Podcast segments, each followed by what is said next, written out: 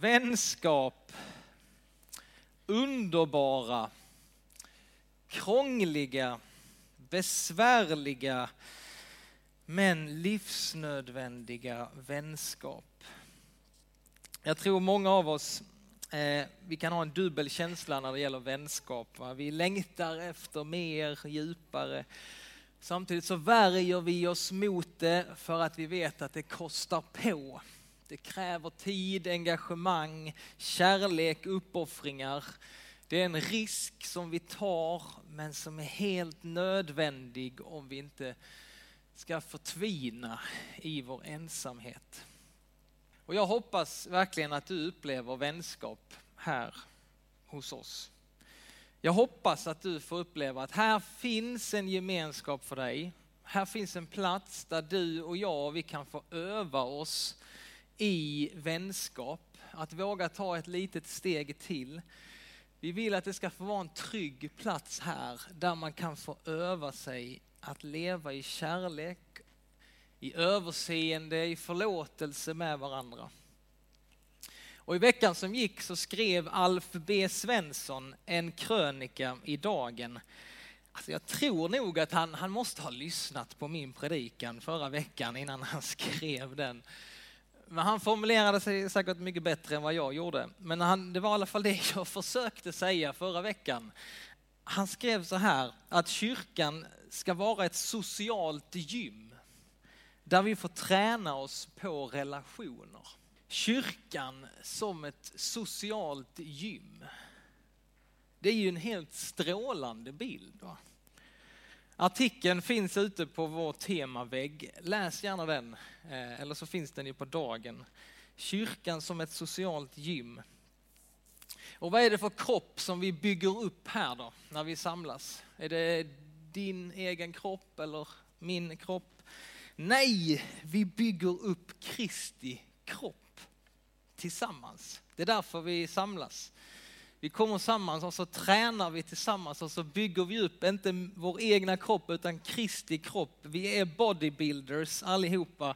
Vi bygger upp Kristi kropp när vi samlas. När vi ser varandra och när vi kommer hit med en känsla att vi tänker inte bara på oss själva utan vi tänker på vad är det som främjar gemenskapen? Vad är det som bygger upp gemenskapen, inte bara vad jag kan tjäna på andra här eller att jag kan hamna i centrum, utan vad är det som bygger upp Kristi kropp?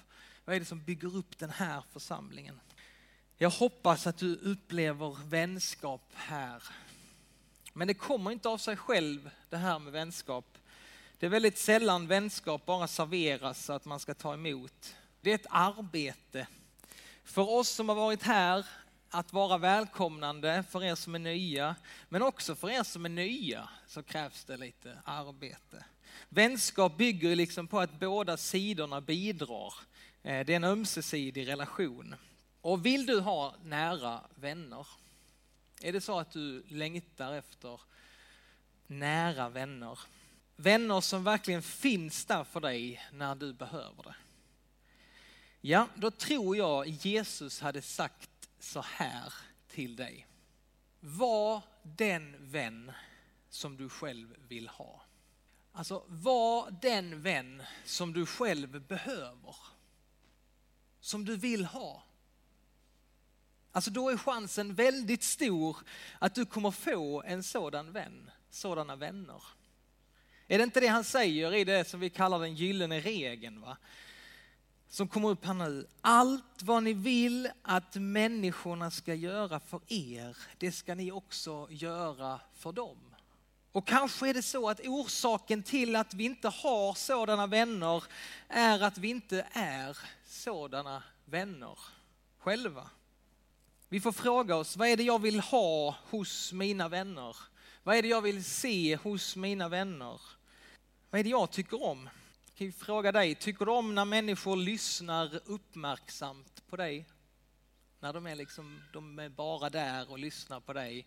De tar inte upp telefonen. De är inte liksom borta med ögonen utan de ser dig, de lyssnar på dig, de är närvarande. Tycker du om det? Tycker du om när någon hör av sig sådär spontant utan någon liksom egentligen anledning utan bara hör av sig till dig på sms eller ett telefonsamtal eller kanske ett handskrivet brev. Tycker du om det? Blir du glad av det? Var den vän som du själv vill ha. Det kände jag att jag ville säga. Och nu innan vi går in på den här utpilen som är dagens tema så var det en sak till som jag bara kände att jag måste säga. Nu när vi har pratat om vänskap så här den fjärde söndagen så är det, det kan lätt bli stressande och pressande för vissa. Det kan finnas en förväntan hos oss att man måste ha si och så där många vänner och flera nära vänner och du kan liksom känna dig kanske misslyckad om du inte lever upp till någon slags outtalad norm eh, av hur det ska vara. Jag vet inte vilken norm det är, men det finns ju mycket sånt outtalat och man tänker att så här har alla andra det och så här borde jag också ha det. Då skulle jag också vilja väga upp detta med ett citat av Peter Halldorf som jag har lyssnat mycket till och läst. Jag har hört honom säga detta flera gånger. Han säger så här, nej, det är tur att jag kollar bak ibland. Alltså.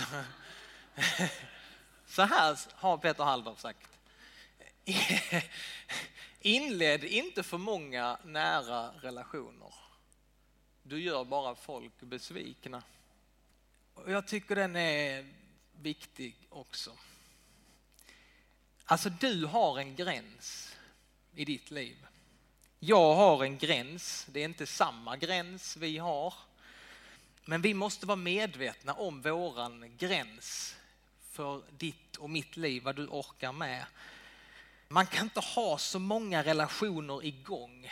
Jag, jag tänker att det är nog många ibland oss och i vår tid som lever med så många olika relationer igång samtidigt så allting blir bara urvattnat och ytligt.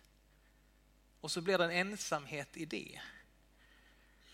Alltså en sådan person som lever med allt för många relationer behöver ju skala bort relationer för att verkligen kunna satsa på några få istället.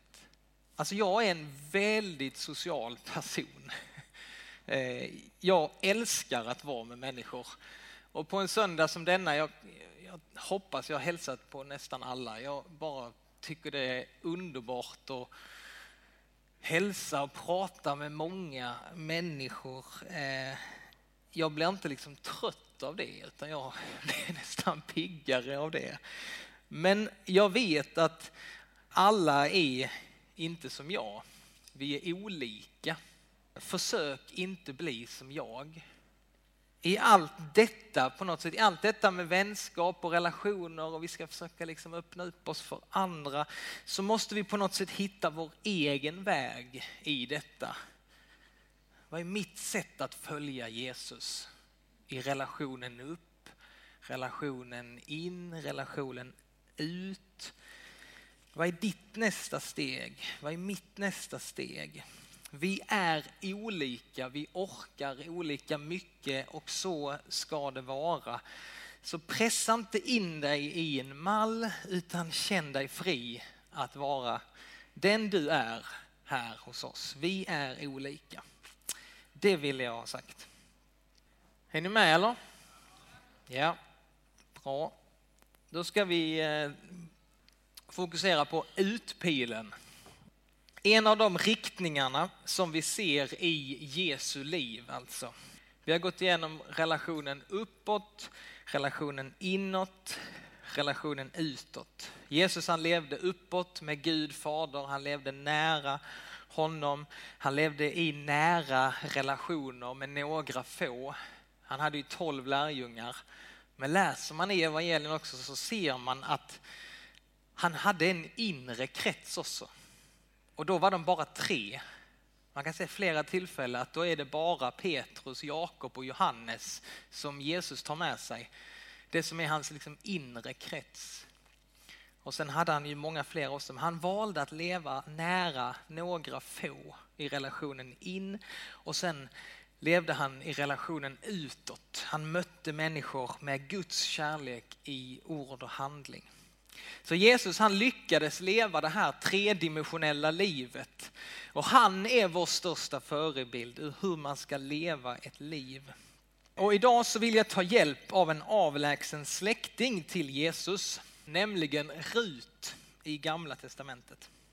Hon är med i Jesus släkttavla och har en egen bok som bara är fyra kapitel i Gamla Testamentet. Och läs gärna Ruts bok ikväll. Också utifrån temat vänskap. Läs Ruts bok, det är dagens boktips. För Ruts bok det är en all, fullkomligt strålande bok. Handlar om vänskapen mellan änkan Nomi och Rut. Nomi hon var judinna som bodde i Moab. Och Nomi hon hade förlorat sin man och sina två söner. Och nu fanns det bara de moabitiska kvinnorna kvar i hennes liv. Orpa och Rut fanns kvar hos henne. Som var alltså hennes söners hustrur. Och de hade inga barn. Så hon är liksom totalt, ja det är allting eller bara nattsvart och hopplöst. Och hon säger till Orpa och Rut, lämna mig, gå nu tillbaka till ert folk ni är unga och snygga, ni kan lätt skaffa er nya män eh, och nya familjer, men mig är det totalt ute med. Så lämna mig, eh, gå och se om ert eget. Och Rut och Orpa, de vill inte lämna sin svärmor, för de älskar henne. Men till slut så lämnar ändå Orpa Ru, eh, Nomi för att gå tillbaka till sitt folk för att kunna skapa sig en ny framtid. Men Rut däremot, hon vägrar lämna sin svärmor och säger de kända orden som står i Rut. Tvinga mig inte att överge dig och vända tillbaka. Dit du går, går också jag. Och där du stannar, stannar jag. Ditt folk är mitt folk och din Gud är min Gud. De befinner sig i Moab, alltså inte i Israels land. Och Naomi, hon ska vända tillbaka till sitt folk, till judarna. De är två kvinnor som har förlorat allt. Och Rut, hon hade kunnat stanna, hon var moabitiska, hon hade kunnat stanna i tryggheten i Moab hos sitt eget folk där hon kände till allt. Hon lätt kunde skaffa sig en ny man.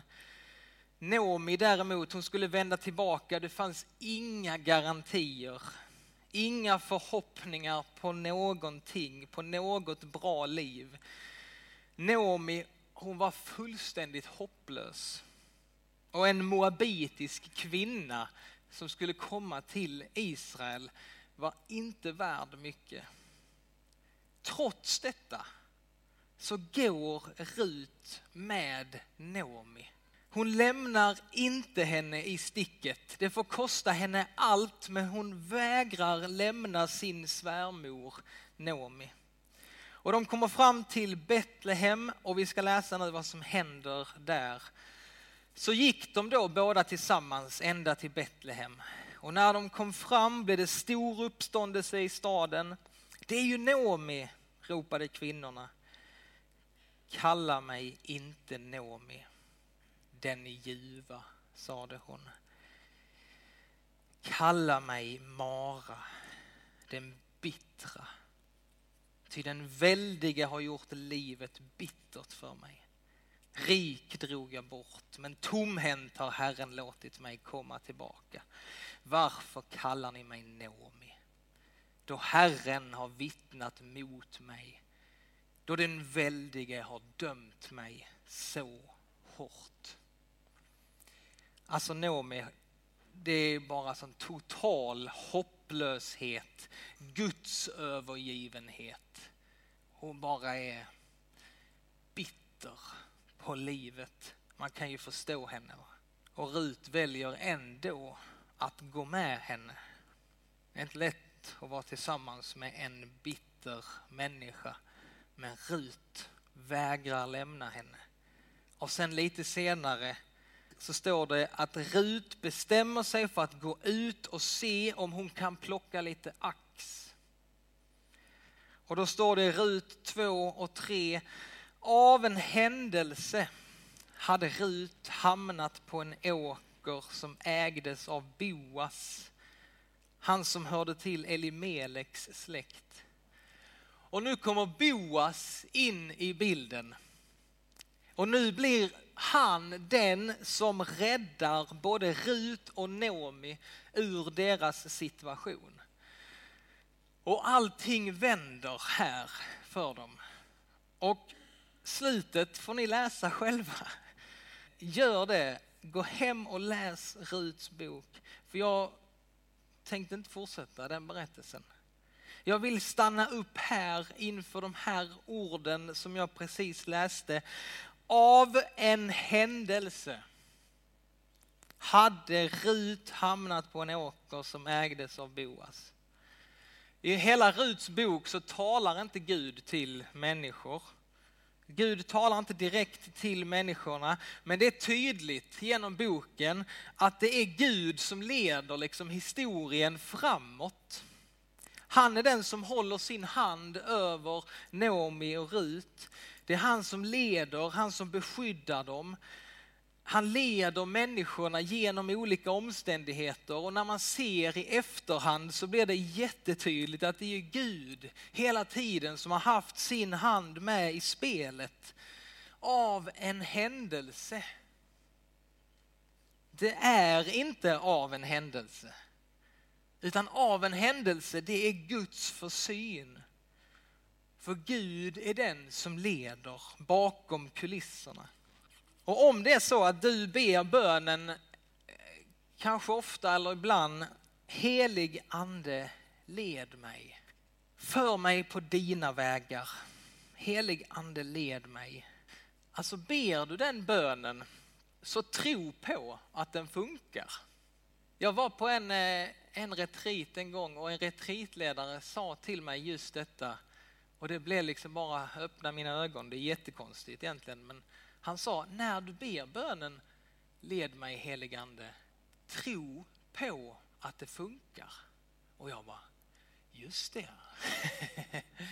För ofta har jag bett den bönen och kanske tidigt på, på, på dagen eller sånt, led mig Gud. Och sen har jag glömt bort att jag har bett den. Och sen har jag kanske fått tankar eller liksom jag har hamnat i ställen och sen, nej det är bara mitt eget.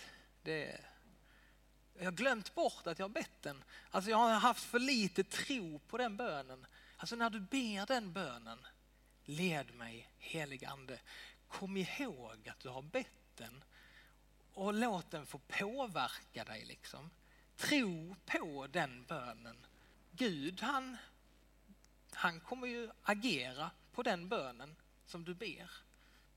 Men ofta tror vi att det bara kommer från oss själva. Liksom av en händelse. Alltså låt oss tro att Gud även idag, även i ditt liv, är den som bakom kulisserna liksom leder historien framåt. Jag tror att vår Gud är missionens Gud. Guds ande jobbar på högvarv för att bygga Guds rike tillsammans med oss.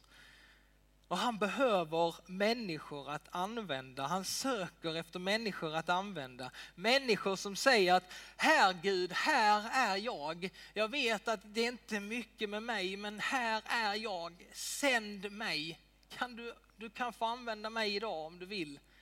Här är jag Gud. Sänd mig. Han söker efter sådana människor.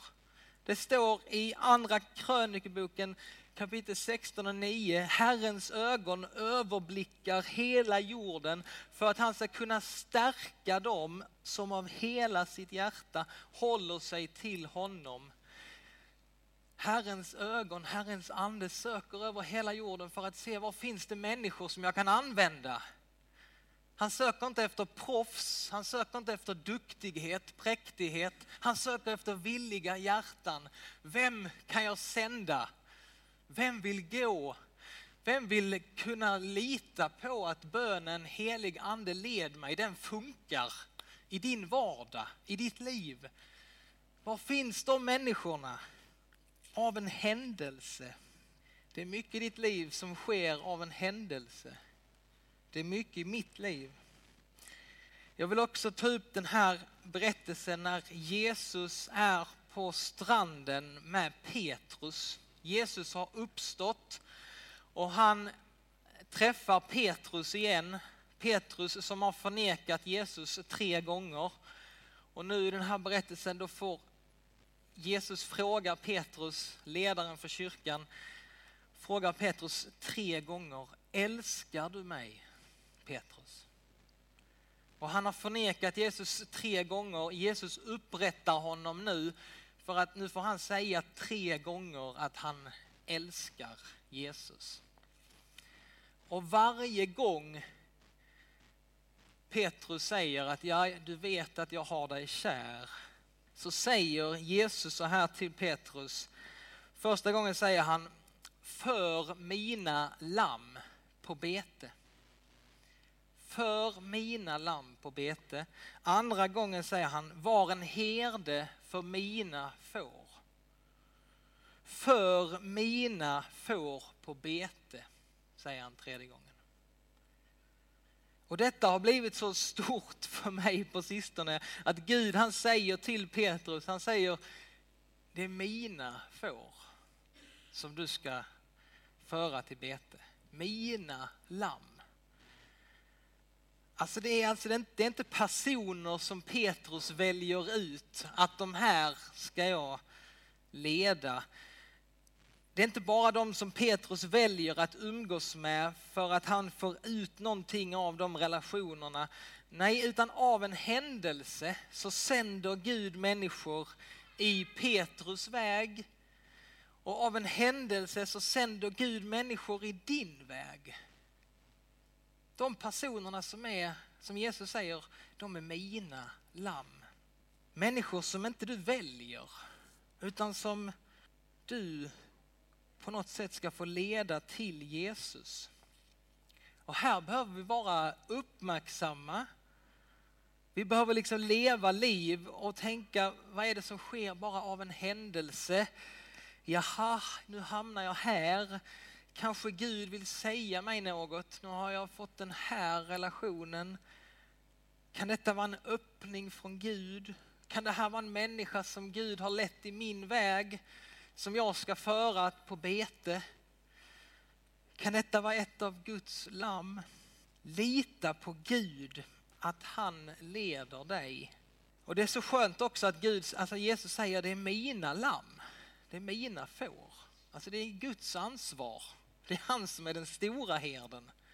Han håller allt i sin hand, men han vill involvera oss. Han vill sända människor i vår väg som vi ska få leda till honom. Så vi behöver lita på att Gud, han leder oss. Och ibland så är det så, kanske måste du vänta i 20-40 år innan du kan se hela bilden. Men Gud leder dig. Och det är bara det du behöver veta just nu. Det är bara det vi behöver veta. Gud leder dig. När du, och när du ber den bönen, liksom, här är jag, sänd mig, helig ande led mig, då kan du vara absolut säker på att han vill leda dig, använda dig. Det, det är så han eh, leder mig. Han talar inte till mig med någon tydlig röst. Det kan vara så att jag kan vara en dålig lyssnare, men jag har faktiskt blivit bättre på att lita på att han faktiskt leder mig. Alltså det har varit så tydligt på sistone. Gång på gång så leder han mig in i möten och omständigheter.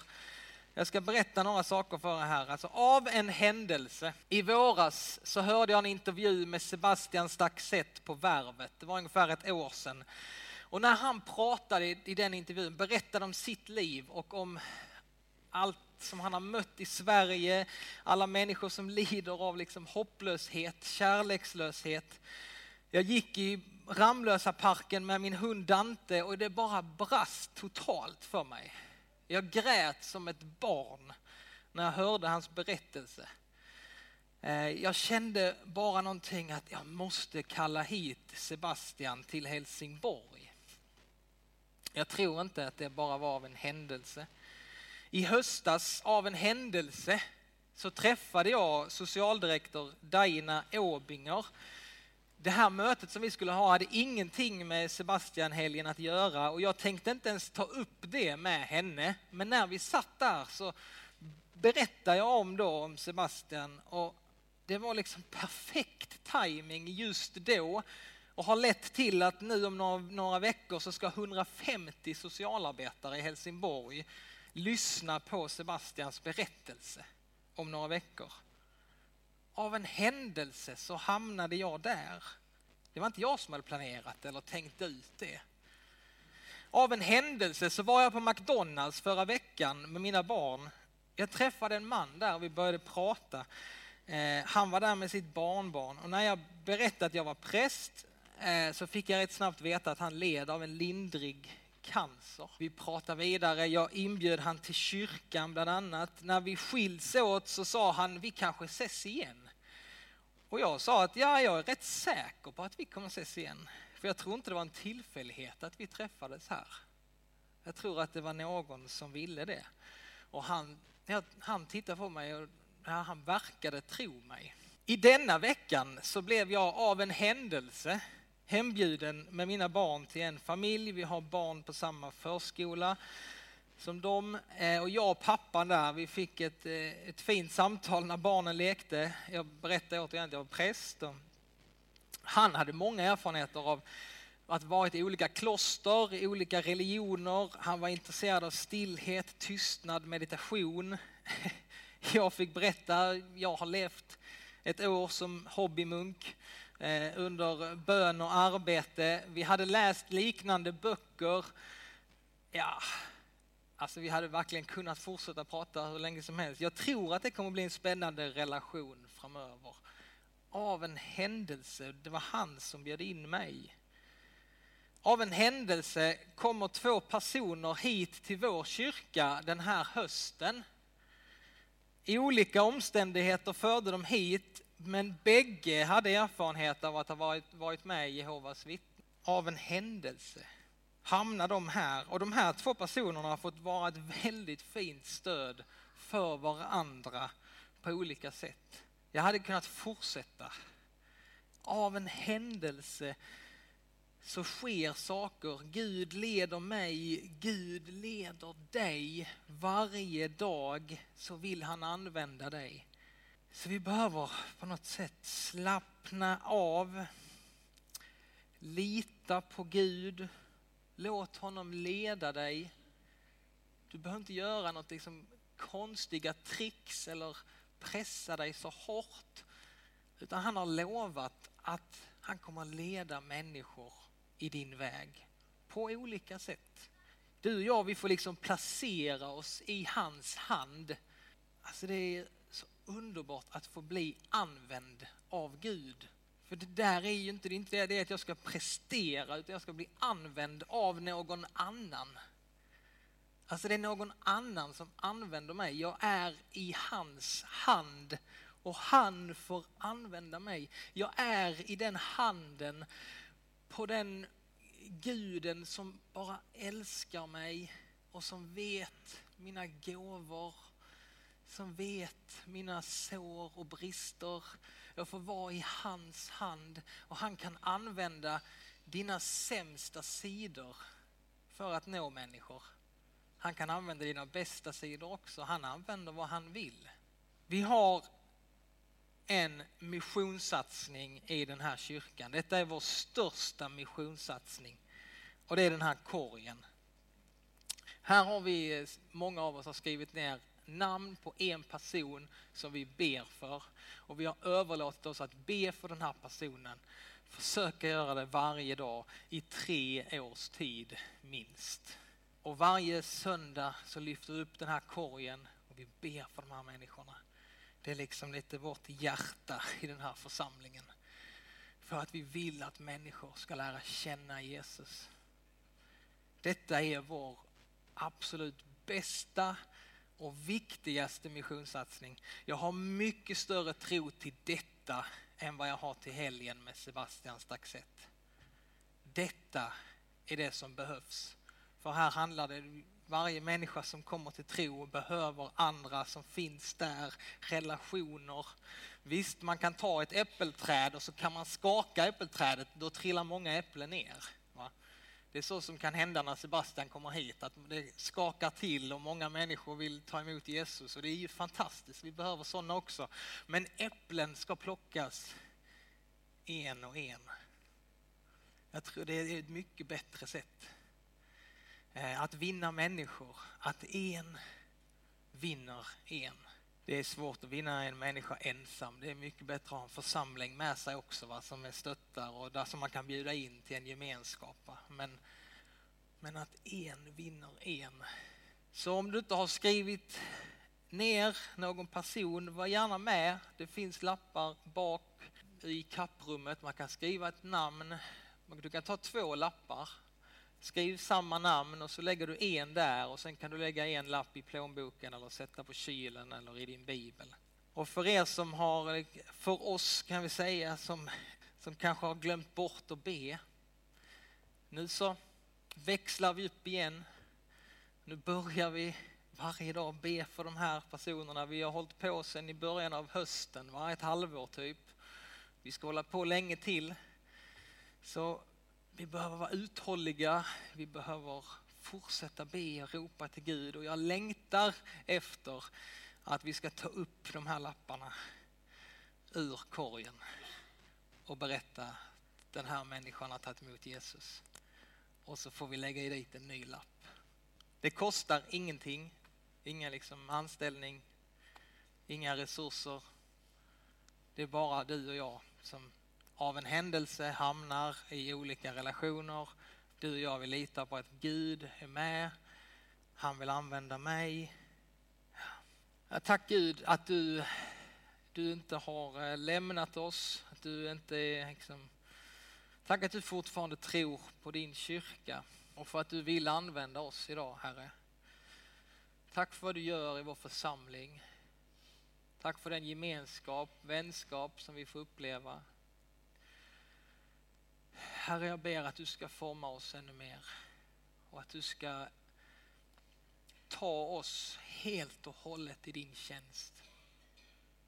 Så att vi tillsammans, var och en, får bli använda av dig där vi är. Att vi får vara kyrka alltid, överallt. Vi får vara dina händer och fötter. Fyll oss med en ännu större tro och hjälp oss att lita på att du leder oss. Amen.